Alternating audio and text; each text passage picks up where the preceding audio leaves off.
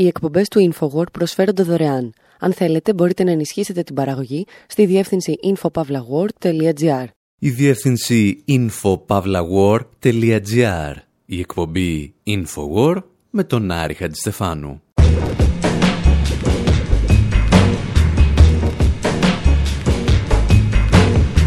όπου σήμερα επιστρέφουμε για μία ακόμη ραδιοφωνική σεζόν με δύο θέματα ελαφρώς μαύρα, υπερήφανα μαύρα. Αναζητούμε τα στοιχεία που άφησε στον πολιτισμό η εξέγερση στη συνοικία Watts του Λος Άντζελες, που το 2020 συμπληρώνει 55 χρόνια. Ζητάμε γι' αυτό τη συμβολή του Μπουκόφσκι, του Φρανκ Ζάπα και του Ice Cube, ενώ ταξιδεύουμε με πολλά ερωτηματικά στον πλανήτη των πιθήκων. Και ύστερα αλλάζουμε ήπειρο, αλλά όχι απεικιοκρατικές συμπεριφορές. Παρακολουθούμε ένα πραξικόπημα στο Μάλι, το οποίο ανησύχησε ελαφρώς στο Παρίσι. Αναρωτιόμαστε τι γνώμη θα είχε γι' αυτό ο Τεντέν, αλλά και ο Αλή Φαρκάτουρε. Ladies and gentlemen, right about now, the soulful, funky sounds of the Bar King. I'm the son of a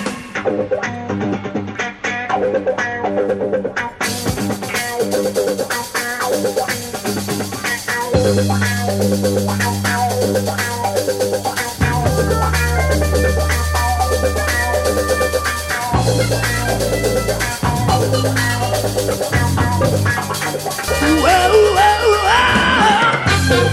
whoa.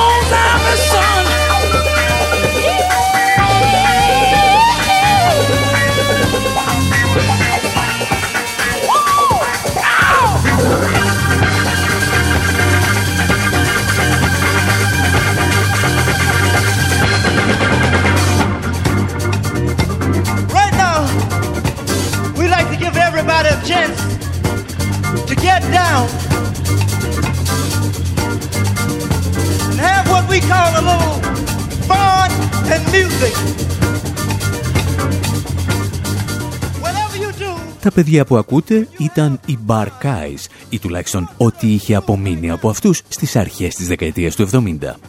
Γιατί οι Bar Guys έπαιζαν στις συναυλίες μαζί με τον Otis Redding και όταν αυτό σκοτώθηκε σε αεροπορικό δυστύχημα το 1967, τέσσερα μέλη του συγκροτήματος ήταν μαζί του. Η μπάντα ξανασυστάθηκε όμως και εδώ τους ακούμε σε ζωντανή ηχογράφηση από το Wattstax, το φεστιβάλ που δημιουργήθηκε για να τιμήσει τη μνήμη της εξέγερσης στη συνοικία Watts του Λος Άντζελες τον Αύγουστο του 1965.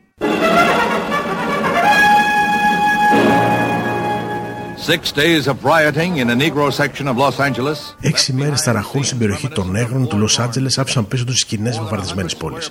Τουλάχιστον 100 οικοδομικά τετράγωνα καταστράφηκαν από φωτιές και πλατσικολόγους. Λίγα μονοκτήρια έμειναν άθικτα.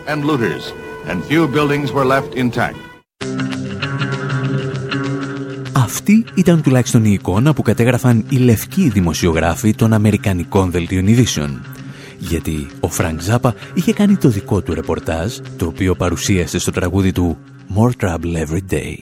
Wednesday I watched the riot. I seen the cops out on the street.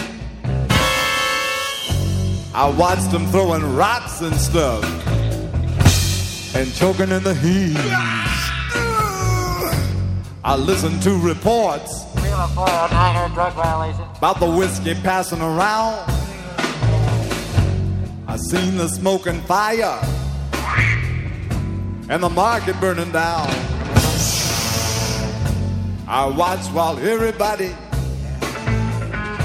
on the street would take a turn to stomp and smash and bash and crash and slash and bust and burn.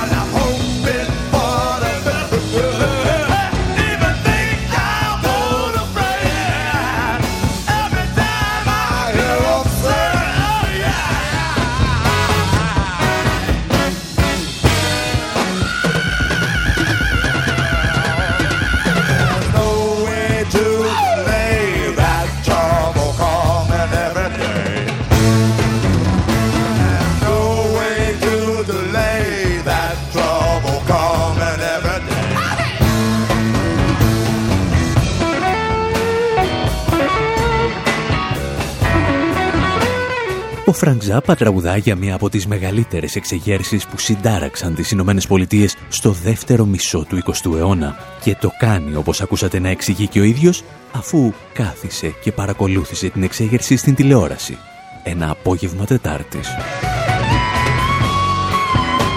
Παρακολουθώ λέει με αηδία την τηλεόραση και την σαπίλα που προβάλλει. Βλέπω τις συγκρούσεις, βλέπω μπάτσους να πετάνε πέτρες και χημικά δεν υπάρχει τρόπος να το αναβάλεις. Αυτά τα προβλήματα θα επανέρχονται κάθε μέρα.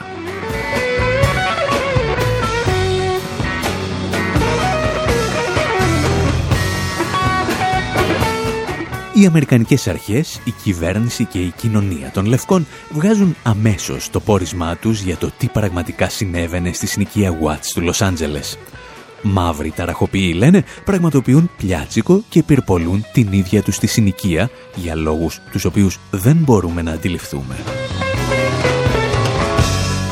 Και σίγουρα όλα αυτά δεν μπορεί να σχετίζονται με τη στάση που εμείς τηρούμε απέναντί τους. Ως εκ τούτου, η μόνη επιλογή που μας αφήνουν είναι να κατεβάσουμε για άλλη μια φορά τις ένοπλες δυνάμεις και να επιβάλλουν την τάξη στο εσωτερικό των Ηνωμένων Πολιτειών. It took the appearance of 14,000 troops to bring an end to what both Negro and white leaders called insurrection by hoodlum. Χρειάστηκε η παρουσία 14.000 στρατιωτών για να τερματιστεί αυτό που οι λευκοί και νέγροι ηγέτες χαρακτηρίζουν σαν ανταρσία βανδάλων. Οι οργανώσεις για τα δικαιώματα του πολίτη καταδίκασαν την αναρχία, ενώ ο Μάρτιν Λούθερ Κίνγκ υποσχέθηκε να κάνει ό,τι περνά από το χέρι του για να μην υπάρξει επανάληψη των επεισοδίων στο Λος Άντζελες ή οπουδήποτε αλλού.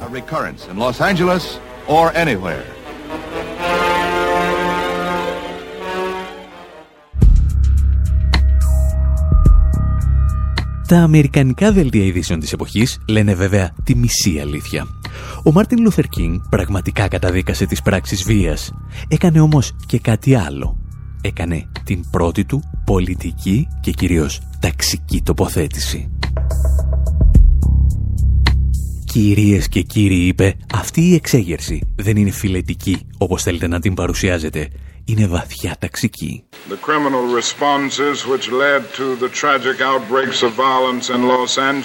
Οι εγκληματικές αντιδράσεις που οδήγησαν στο ξέσπασμα βίας στο Λο Άντζελε είναι θεσμικές και όχι φιλετικές. Η οικονομική ανέχεια, ο φιλετικός αποκλεισμός, η έλλειψη στέγης και η γενικότερη απόγνωση χιλιάδων νέγρων που συγκεντρώνονται στα γκέτο είναι οι σπόροι που γέννησαν την τραγική έκφραση της βίας.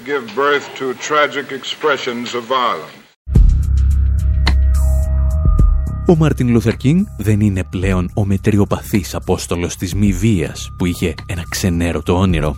Είναι ένας ηγέτης που μαθαίνει να συνδέει τα ταξικά με τα φιλετικά αίτια της κρίσης. Και γι' αυτό έχει μπει και ο ίδιος στην τροχιά της δολοφονίας του. Οι μαύροι για τους οποίους μιλάει είναι απλώς ο πιο αδύναμος κρίκος που βιώνει την επερχόμενη κρίση, όταν ο λευκός πληθυσμός δεν έχει καταλάβει τι τον περιμένει. Αυτό το μήνυμα όμως δεν φαίνεται να το αντιλαμβάνεται σχεδόν κανένας. Οι περισσότεροι προτιμούν να τους αντιμετωπίζουν σαν βάνδαλους πλιατσικολόγους. Εκτός από αυτόν εδώ τον κύριο.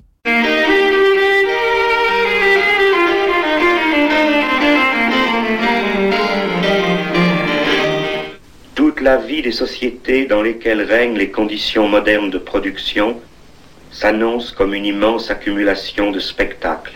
Ο Γάλλος φιλόσοφος Γκίντε Μπορ, τον οποίο ακούμε να μιλάει για την κοινωνία του θέματος, προχωρά ένα βήμα περισσότερο στη σκέψη του. Οι μαύροι, λέει, στα πρόσωπα των αστυνομικών δεν έβλεπαν έναν λευκό. Έβλεπαν τον προστάτη του κυρίαρχου οικονομικού συστήματος. Όταν το 1973 δημιουργεί την πρώτη του ταινία, η οποία στηρίζεται στο βιβλίο του «Η κοινωνία του θεάματος», ο Γκίντεμπορ αντιπαραβάλλει εικόνες του σύγχρονου καταναλωτισμού με την εξέγερση των μαύρων στη συνοικία του Watts.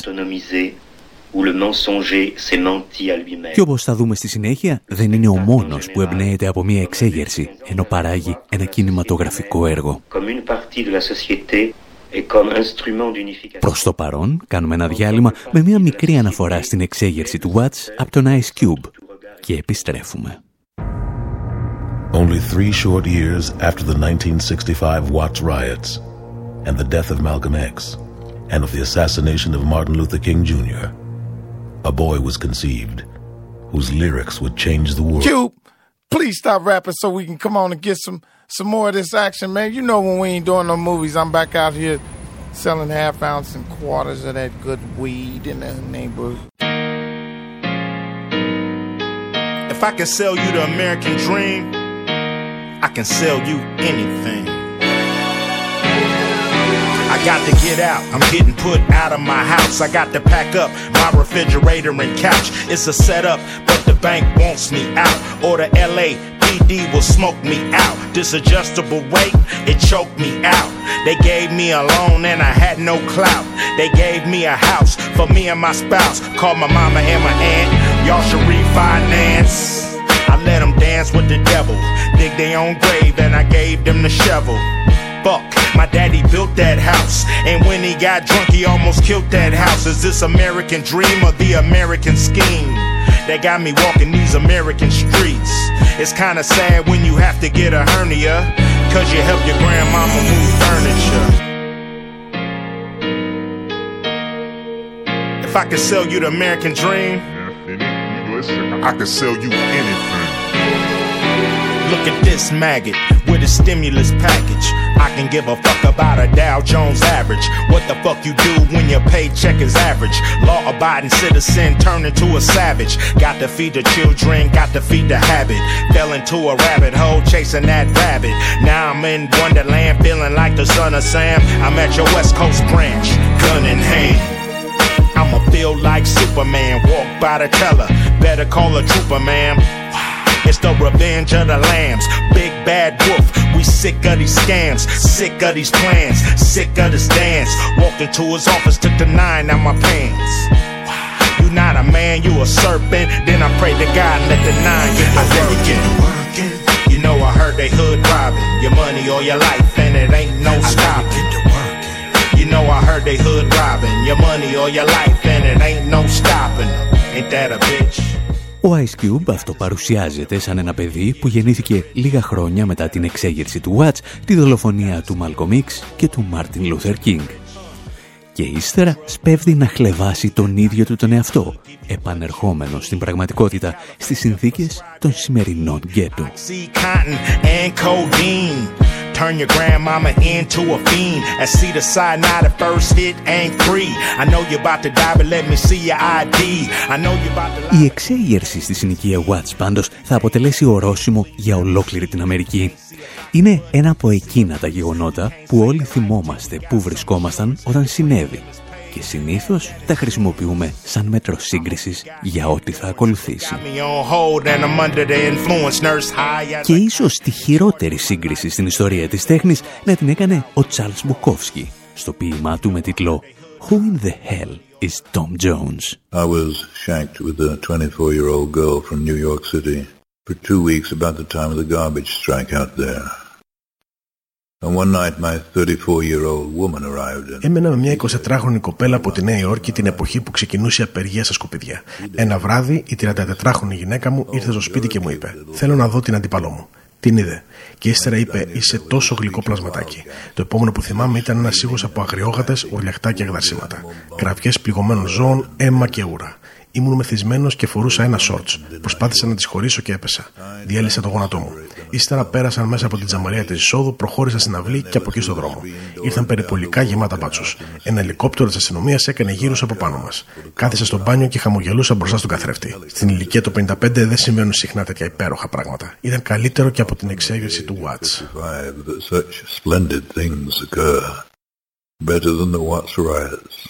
Wednesday I watched the riot. I seen the cops out on the street. Παρατήρηση πρώτη. Η μετάφραση του ποίηματος του Μπουκόφσκι είναι δική μας και ίσως να τον αδικούμε. Αλλά ίσως και όχι. Παρατήρηση δεύτερη. Ο τίτλος του ποίηματος είναι Who in the hell is Tom Jones? Δηλαδή, ποιος στο διάολο είναι ο Tom Jones? Και ειλικρινά δεν ξέρουμε τι διάολο σχέση μπορεί να έχει με το περιεχόμενο του ποίηματος. Παρατήρηση τρίτη. Ακόμη δεν έχουμε αποφασίσει εάν το να παρομοιάζεις μια εξέγερση μαύρων με το μαλλιοτράβηγμα δύο γυναικών για έναν 55χρονο αλκοολικό είναι ό,τι καλύτερο μπορείς να κάνεις. Σίγουρα πάντως μας θυμίζει εκείνο το σύνθημα του Δεκέμβρη του 2008 που έλεγε «Υγεία, καβ και Επανάσταση». Για να μην αδικήσουμε πάντως τον Μπουκόφσκι, να θυμίσουμε ότι στην εξέγερση του Watts αναφέρεται εκτενέστερα και στο βιβλίο του «Το ταχυδρομείο».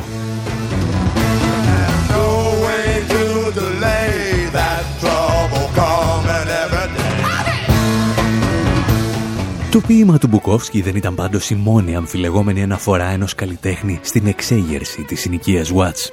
Οι δημιουργοί της τέταρτης ταινίας από τη σειρά «Ο πλανήτης των πυθίκων» έχουν αποκαλύψει ότι εμπνεύστηκαν την εξέγερση των πυθίκων από την εξέγερση των μαύρων. Το οποίο είναι αρκετά προβληματικό. Και ενώ δεν σώζεται με τίποτα, μετριάζεται ελαφρώς αν σκεφτείς ότι οι πίθηκοι στην ταινία ήταν ευφυείς όσο και οι άνθρωποι, αλλά και τα θύματα της ιστορίας. the biggest, the newest, the most exciting of all the Planet of the Apes pictures. Climaxed by the spectacular revolt of the apes.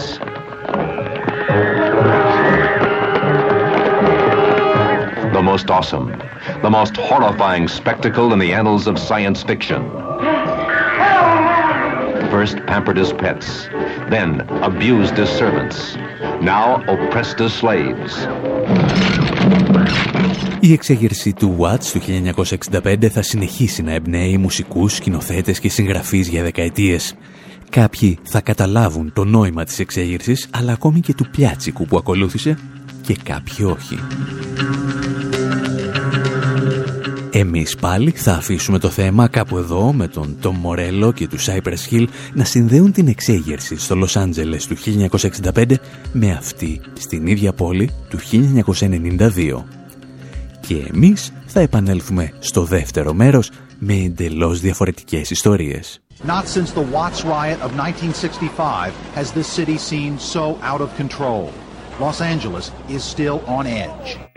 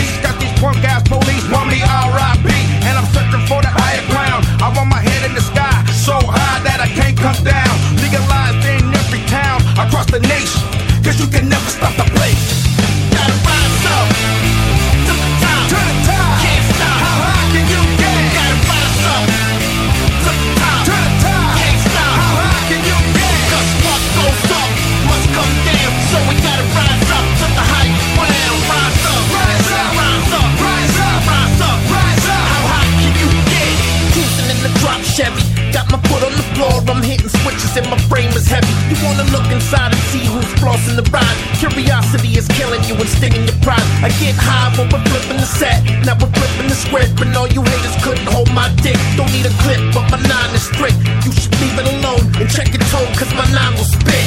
This right here is as high as it gets. So shit. Somebody like to split the hill. Kept it real till we stepped on a set. So just throw for a show, you gotta cut the check. Got my Glock on deck and my custom vest reads. You can't fuck with me, I'm the best. And you can keep the dress, cause I smoke nothing less than the push step back.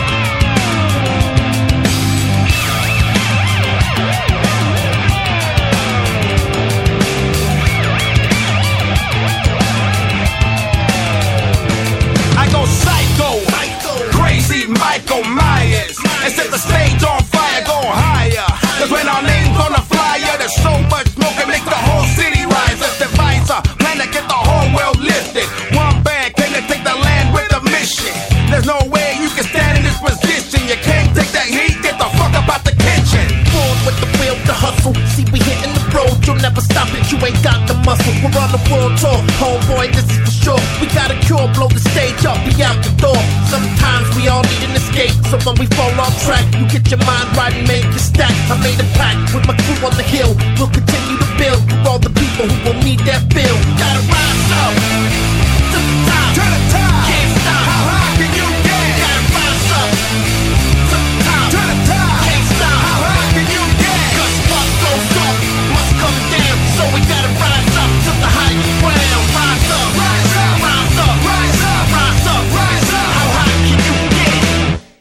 εκπομπές του InfoWord προσφέρονται δωρεάν. Αν θέλετε, μπορείτε να ενισχύσετε την παραγωγή στη διεύθυνση infopavlagor.gr.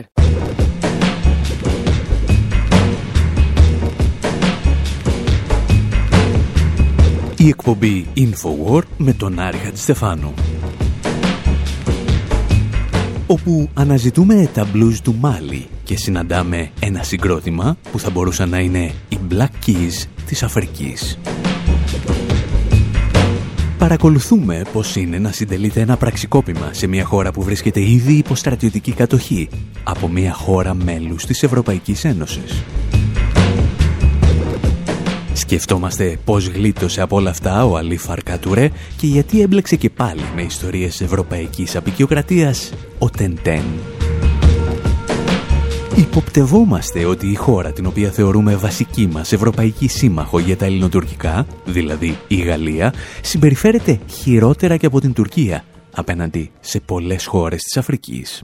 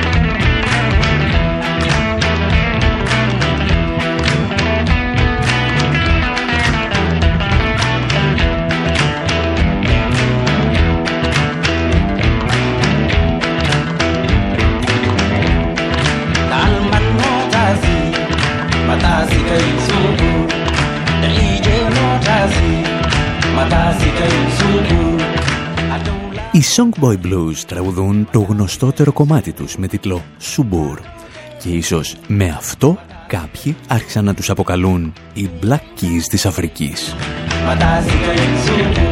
Οι Songboys Blues είναι ένα συγκρότημα από το βόρειο Μάλι, τα μέλη του οποίου εκτοπίστηκαν στο νότο της χώρας όταν ξέσπασαν συγκρούσεις και οι περιοχές όπου ζούσαν καταλήφθηκαν από δυνάμεις τζιχαντιστών. Και αυτήν ακριβώς την ιστορία τους περιγράφει το ντοκιμαντέρ «They will have to kill us first». Πρώτα θα πρέπει να μας σκοτώσουν. Μέσα στα λίγα χρόνια που υπάρχουν σαν συγκρότημα, οι Songboy Blues έχουν ζήσει εμφύλιες συγκρούσεις και σφαγές, μια εισβολή Γάλλων στρατιωτών και πολύ πιο πρόσφατα μεγαλειώδεις αντικυβερνητικές συγκεντρώσεις, αλλά και ένα πραξικόπημα. Και με αυτά τα δύο τελευταία θα ασχοληθούμε σήμερα. In Mali, thousands of protesters flooded the capital Bamako Tuesday, demanding the resignation of President. Στο Μάλι, χιλιάδες διαδηλωτές πλημμύρισαν την πρωτεύουσα Μπαμακό, απαιτώντας την παρέτηση του Προέδρου Ιμπραχήμ Μπουμπακάρ Κεϊτά εν μέσω οικονομικής κρίσης, ευρείας διαφθοράς και αυξανόμενης βίας από αποσχιστικές ομάδες. Οι διαδηλώσεις ήταν οι μεγαλύτερες από τις 10 Ιουλίου, οπότε η αστυνομία άνοιξε πυρ κατά των αντικυβερνητικών διαδηλωτών, σκοτώντας τουλάχιστον 11 και τραυματίζοντας δεκάδες άλλους.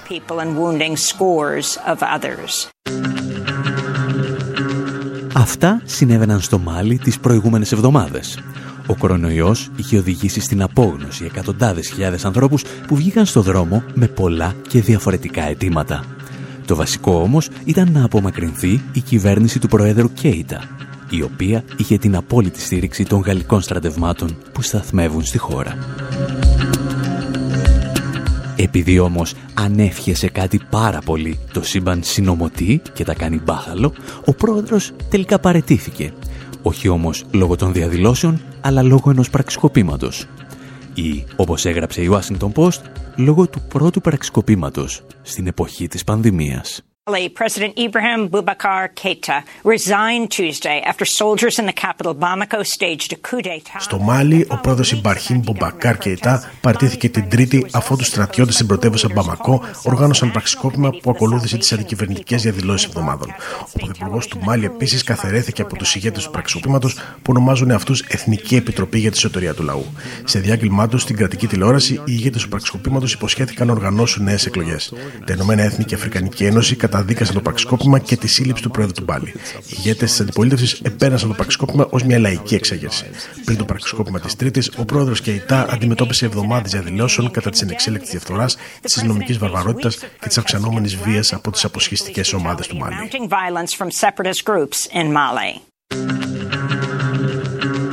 Όπως ήταν αναμενόμενο, όλοι περίμεναν την απάντηση της Γαλλίας γιατί το Μάλι μπορεί να είναι στα χαρτιά μια ανεξάρτητη χώρα, αλλά από το 2012 σταθμεύουν στην περιοχή περίπου 5.000 Γάλλοι στρατιώτες, οι οποίοι μπορεί να έχουν την έγκριση του Οργανισμού Ηνωμένων Εθνών, αλλά κάποιος θα μπορούσε να τις αποκαλέσει και στρατεύματα κατοχής. Οι παλιοί ακροατές μας ίσως θυμούνται πως όταν αυτοί οι στρατιώτες ξεκινούσαν την αποστολή τους, εμείς βρισκόμασταν στο Παρίσι.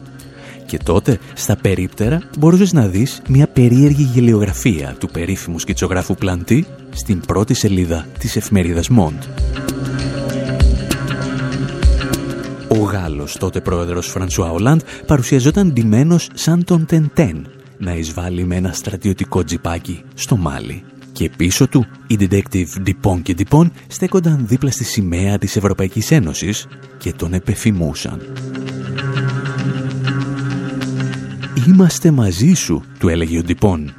«Εγώ θα συμπλήρωνα ότι είμαστε μαζί σου», του έλεγε και ο έτερος Ντυπών. Την τελευταία φορά βέβαια που θυμόμαστε τον Τεντέν να κατεβαίνει στην Αφρική ήταν για να ξεπλύνει τη γενοκτονία που πραγματοποιούσαν οι Βέλγοι στο Κόγκο. Οπότε να τον συγκρίνεις με τον Ολάντ και μάλιστα να τον βάζεις δίπλα σε μια σημαία της Ευρωπαϊκής Ένωσης είναι ελαφρώς προβληματικό.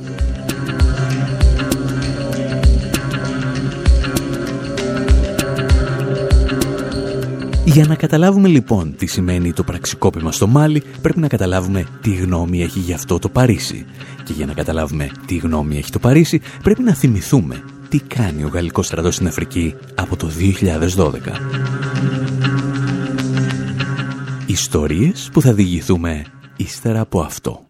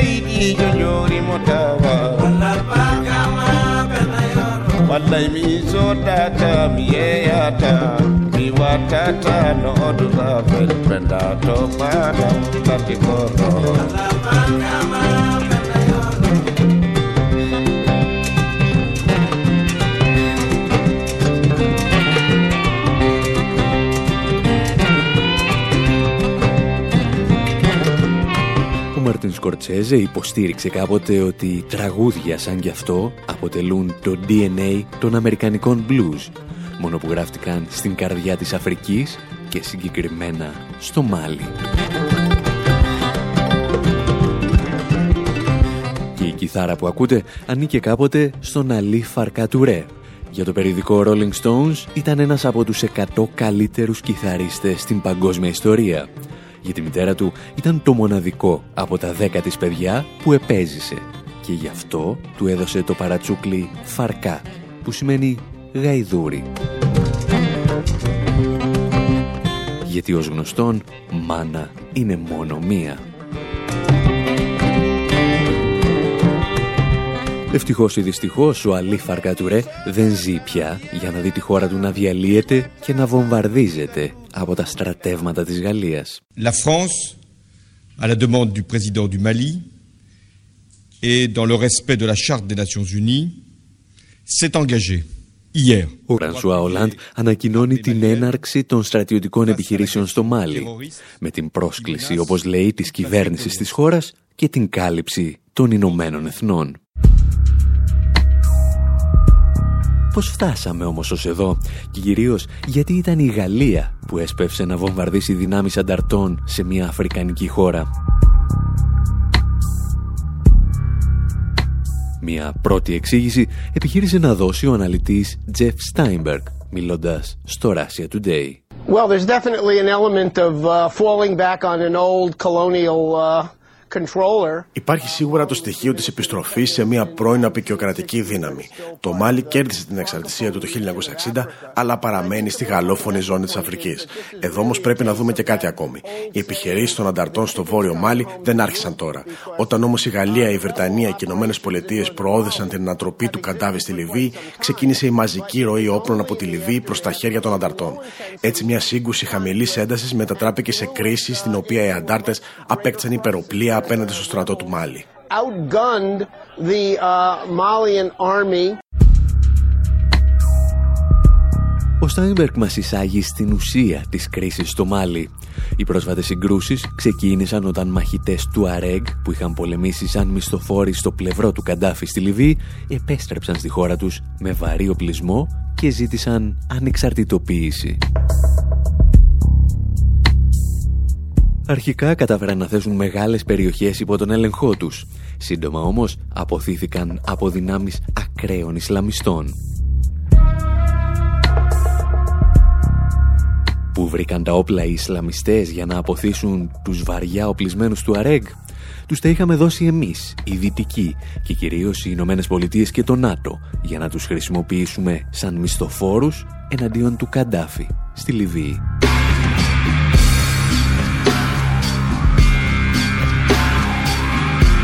Για άλλη μια φορά εξοπλίζαμε ομάδες τρομοκρατών, οι οποίες τώρα στρέφονται εναντίον δυτικών κυβερνήσεων.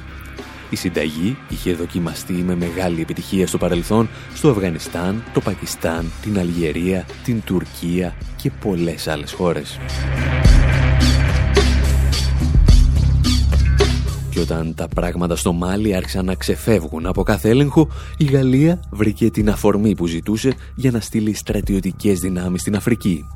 Τα εξηγούσε και πάλι ο αναλυτής Jeff Steinberg, μιλώντας στο Russia Today.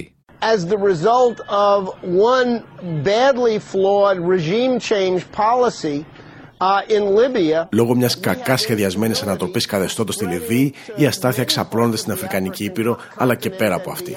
Είναι ηρωνικό ότι οι Γάλλοι έρχονται τώρα για να καθαρίσουν το χάλι που ήδη δημιούργησαν το 2011 στη Λιβύη. Το αρχικό μας όμως ερώτημα παραμένει. Γιατί η Γαλλία επέδειξε τέτοιο ίστρο για να βομβαρδίσει περιοχές στο βόρειο Μάλι; Αυτή την απάντηση την έδωσε μιλώντας στο Democracy Now! η δημοσιογράφος May Ying Wells. This whole area of northern Mali and northern Niger is a uranium-rich area Ολόκληρη η περιοχή στο βόρειο Μάλι και το βόρειο Νίγηρα έχει πλούσια κοιτάσματα πετρελαίου και η Γαλλία έχει τεράστια οικονομικά συμφέροντα. Εδώ βρίσκονται τα μεγαλύτερα αποθέματα ουρανίου του κόσμου και μην ξεχνάμε ότι η Γαλλία παράγει το 75% της ηλεκτρικής ενέργειας από πυρηνική ενέργεια και εξάγει μεγάλες ποσότητες στο εξωτερικό. Το ουράνιο όμως είναι βασικό συστατικό για την ανάπτυξη της γαλλικής πολεμικής βιομηχανίας. Ο Νίγηρας ήταν απικία της Γαλλίας και το ουράνιο έπαιξε καθοριστικό ρόλο στην οικονομική ανάπτυξη της Γαλλίας. Η πυρηνική βιομηχανία τους στηρίχθηκε στο πολύ φθηνό ουράνιο που προμηθεύονταν από τον Ήγηρα.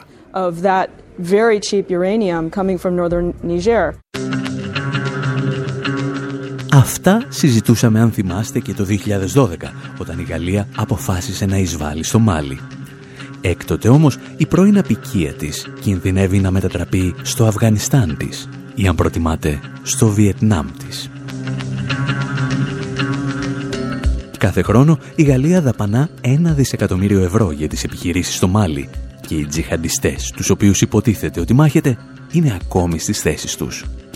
Όσο για τις τοπικές δυνάμεις που πολεμούν στο πλευρό των γαλλικών στρατευμάτων, κατηγορούνται όλο και συχνότερα για φρικιαστικές φαγές αντιπάλων αλλά και αμάχων. Την ίδια στιγμή, ο πρόεδρος Τραμπ απειλεί να αποσύρει την οικονομική και στρατιωτική στήριξή του και η Γαλλία αναζητά τρόπους για να διατηρήσει τον έλεγχο αποθεμάτων ουρανίου στην ευρύτερη περιοχή και παρεπιπτόντος να κρατήσει μακριά τους Κινέζους από τη δική της σφαίρα επιρροής. Σαν να μην έφταναν λοιπόν όλα αυτά, νέοι πραξικοπηματίες αποφάσισαν την τελευταία εβδομάδα να ξαναμοιράσουν την πίτα στο Μάλι. Το αν στραφούν προς το Παρίσι, την Ουάσιγκτον ή το Πεκίνο μένει να αποδειχθεί τις επόμενες ημέρες. Το μόνο βέβαιο είναι ότι η τράπουλα της Αφρικής ξαναμοιράζεται και εμείς, ως Ελλάδα, έχουμε μία τάση να συμμαχούμε με τους παλιούς απικιοκράτες.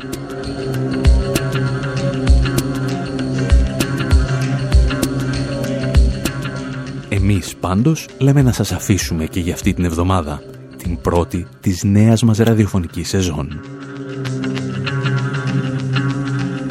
Όπως πάντα να θυμάστε ότι μας βρίσκεται ανά πάσα στιγμή στη διεύθυνση info.pavlawar.gr με περισσότερες αναλύσεις, μουσικές και ντοκιμαντέρ.